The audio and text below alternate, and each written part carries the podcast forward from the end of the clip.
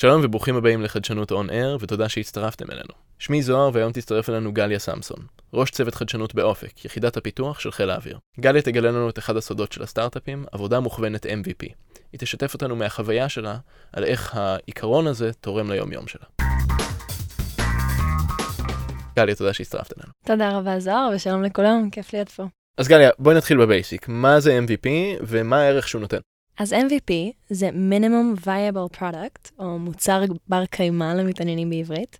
זה בעצם המוצר הבסיסי ביותר שאנחנו לוקחים ויוצאים איתו לשוק, שבוודאות עונה על הצורך שחידדנו לפני, אה, גם על זה ניגע עוד מעט. אה, ואנחנו יוצאים איתו כדי לבדוק, הרבה לפני שהשקענו את כל המשאבים, את כל המאמצים, שאנשים, אה, איך הם מגיבים למוצר שלנו, איזה לקוחות בכלל אנחנו מגיעים, האם משתמשים במוצר בצורה שאנחנו תכננו, כל מיני שאלות שאנחנו רוצים לענות לעצמנו, וזאת הדרך הטובה והפשוטה ביותר להבין אותם, לפני שבזבזנו את כל המשאבים. MVP זה אחת הדוגמאות הקלאסיות לשימוש של מתודות מבחוץ, שרלוונטיות מאוד למה שאנחנו עושים בפנים, וגם כלים שהם יכולים לרכוש כאן, שהם כל צד וצד שהם אי פעם יפתחו פרויקט.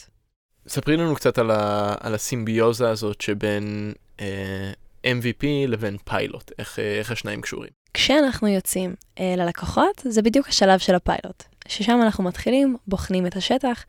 פיילוט זה איפה ש-MVP פוגש את המציאות. כשאנחנו יוצאים לפיילוט עם MVP למשתמשים, חשוב שתהיה לנו תמונה בראש, איזשהו vision של המוצר הסופי, עוד מלכתחילה. אבל הנקודה הבאמת חשובה, זה שנהיה מוכנים לשנות אותו, שלא נהיה יותר מדי סנטימנטליים לאותו vision, כי אנחנו יוצאים לפיילוט כדי להבין בעצם מה אנחנו הולכים לשנות ואיפה. כן שתהיה לנו את ההכוונה הזאת בראש. מי בעצם בא לידי ביטוי בתהליך הזה שנקרא MVP, ו- ומה בעצם עושים בו? שאלה מעולה. כל מי שלוקח חלק בשלבים הראשוניים של הפרויקט, צריך להיות אותה קבוצת אנשים שמשתמשים ב-MVP. זאת אומרת, בפשטות, כולם, כל מי שחלק.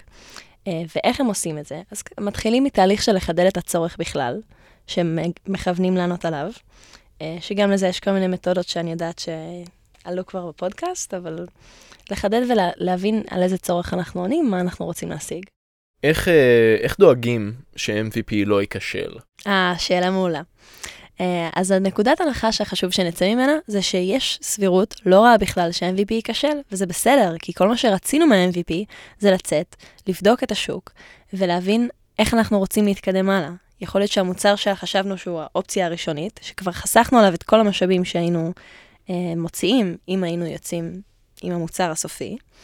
אה, אז הנקודת ההנחה הראשונה היא באמת, יש מצב שניכשל. אבל מה אפשר לעשות כדי שלא? להגיע עם השאלות המקדימות שעליהן אנחנו רוצים לענות. בעצם MVP זה לא בדיוק תוצאה סופית של נכשלנו או הצלחנו, אלא איזה דברים אנחנו רוצים להשיג, ואז המסקנות שאנחנו יוצאים איתן.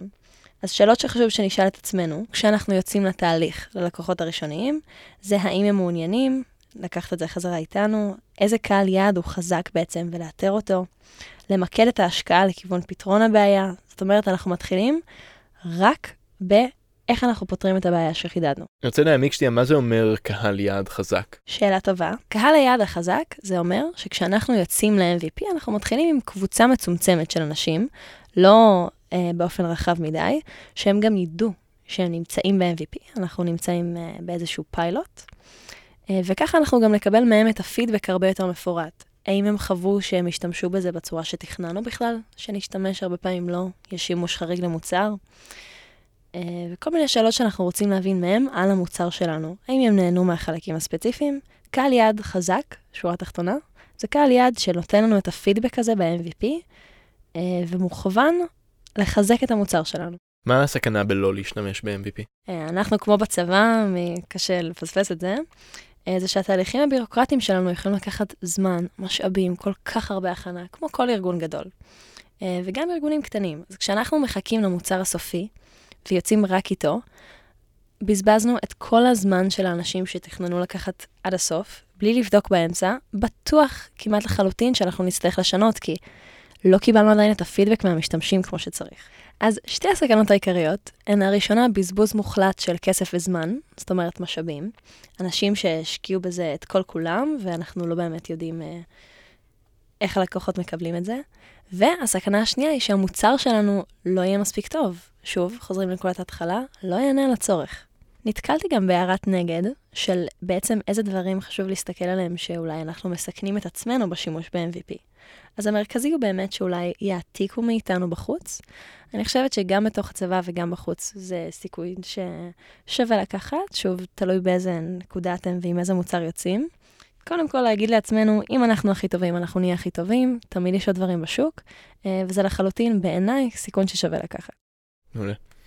אה, בואי נלך לדוגמאות. אה, ספרי לנו על דוגמה של פיתוח מוכוון MVP על הפלטפורמה In-House שפיתחתם באופק. אז הפלטפורמה של In-House, שהיא הפלטפורמה ליזמות הפנימית שלנו, כשמה כן היא In Innovation House, כשמשתמשים בתוך אופק בינתיים, אנחנו בפיילוט, זה הולך לצאת לכל חיל האוויר, מעלים לשם את היוזמות שלהם, אה, ויש ניהול של מנטורים בתוך המערכת. זאת אומרת, אם אתה מעלה עכשיו רעיון, ואני נותנת דוגמה מעולם התוכנה, כי כרגע אנחנו בפיילוט באופק, להתעסקות עם איזשהו דיבי חדש שעושה XYZ. אתה מכניס את הרעיון למערכת, אנחנו מצמידים אותך למנטור מעולם ה-DB הספציפי שאתה מתעסק בו, לדוגמה, ואתם רצים על הרעיון ביחד. או שהוא עוזר לך לקדם אותו, או שבאיזשהו מקום אתה מחזק את הצורך שלך כלקוח. ואם נחזור לתהליך הפיתוח, איפה התבטא ה-MVP פה? אז עוד אחורה, לפני שיצאנו ל-MVP הזה, היינו צריכים להחליט באיזה דרך אנחנו רוצים לגשת לבעיה. שזה אומר המון המון שלבים מקדימים לפני שבכלל החלטנו לנהל את זה בתוך מערכת. אבל uh, אחרי התהליכים ושאלנו את האנשים, בחנו כל מיני אופציות, אז עשינו אפיון שהוא באמת מאוד מינימלי, מצאנו את המתכנתים המוכשרים שלנו, uh, ועכשיו אנחנו יוצאים באמת לפיילוט עם היחידה. שם הם ידעו שזה הולך להיות חיל אווירי, משהו רחב, אז גם הם מרגישים את החיבור ואת הצורך להגיד לנו, כאן נהניתי מזה, זה בעייתי כאן. הם גם קצת יותר סלחניים בשלב הזה, שזה גם משהו שחשוב לזכור כשאנחנו יוצאים ל-MVP. הלקוח הראשוני שלנו יודע שאנחנו עוד לומדים מה אנחנו עושים. אה, אבל לקחנו רגע צעד אחורה, צמצמנו לחלוטין רק את הבסיס של מה שאנחנו רוצים לענות עליו. ציין לאורך הדרך את החשיבות של אה, שלב מחקר מעמיק אה, ואיכותי שמאפשר להגעה, מאפשר הגעה ל-MVP נכון. איזה, איזה שאלות נכון לשאול בשלב המחקר הראשוני הזה כדי להבטיח MVP רלוונטי?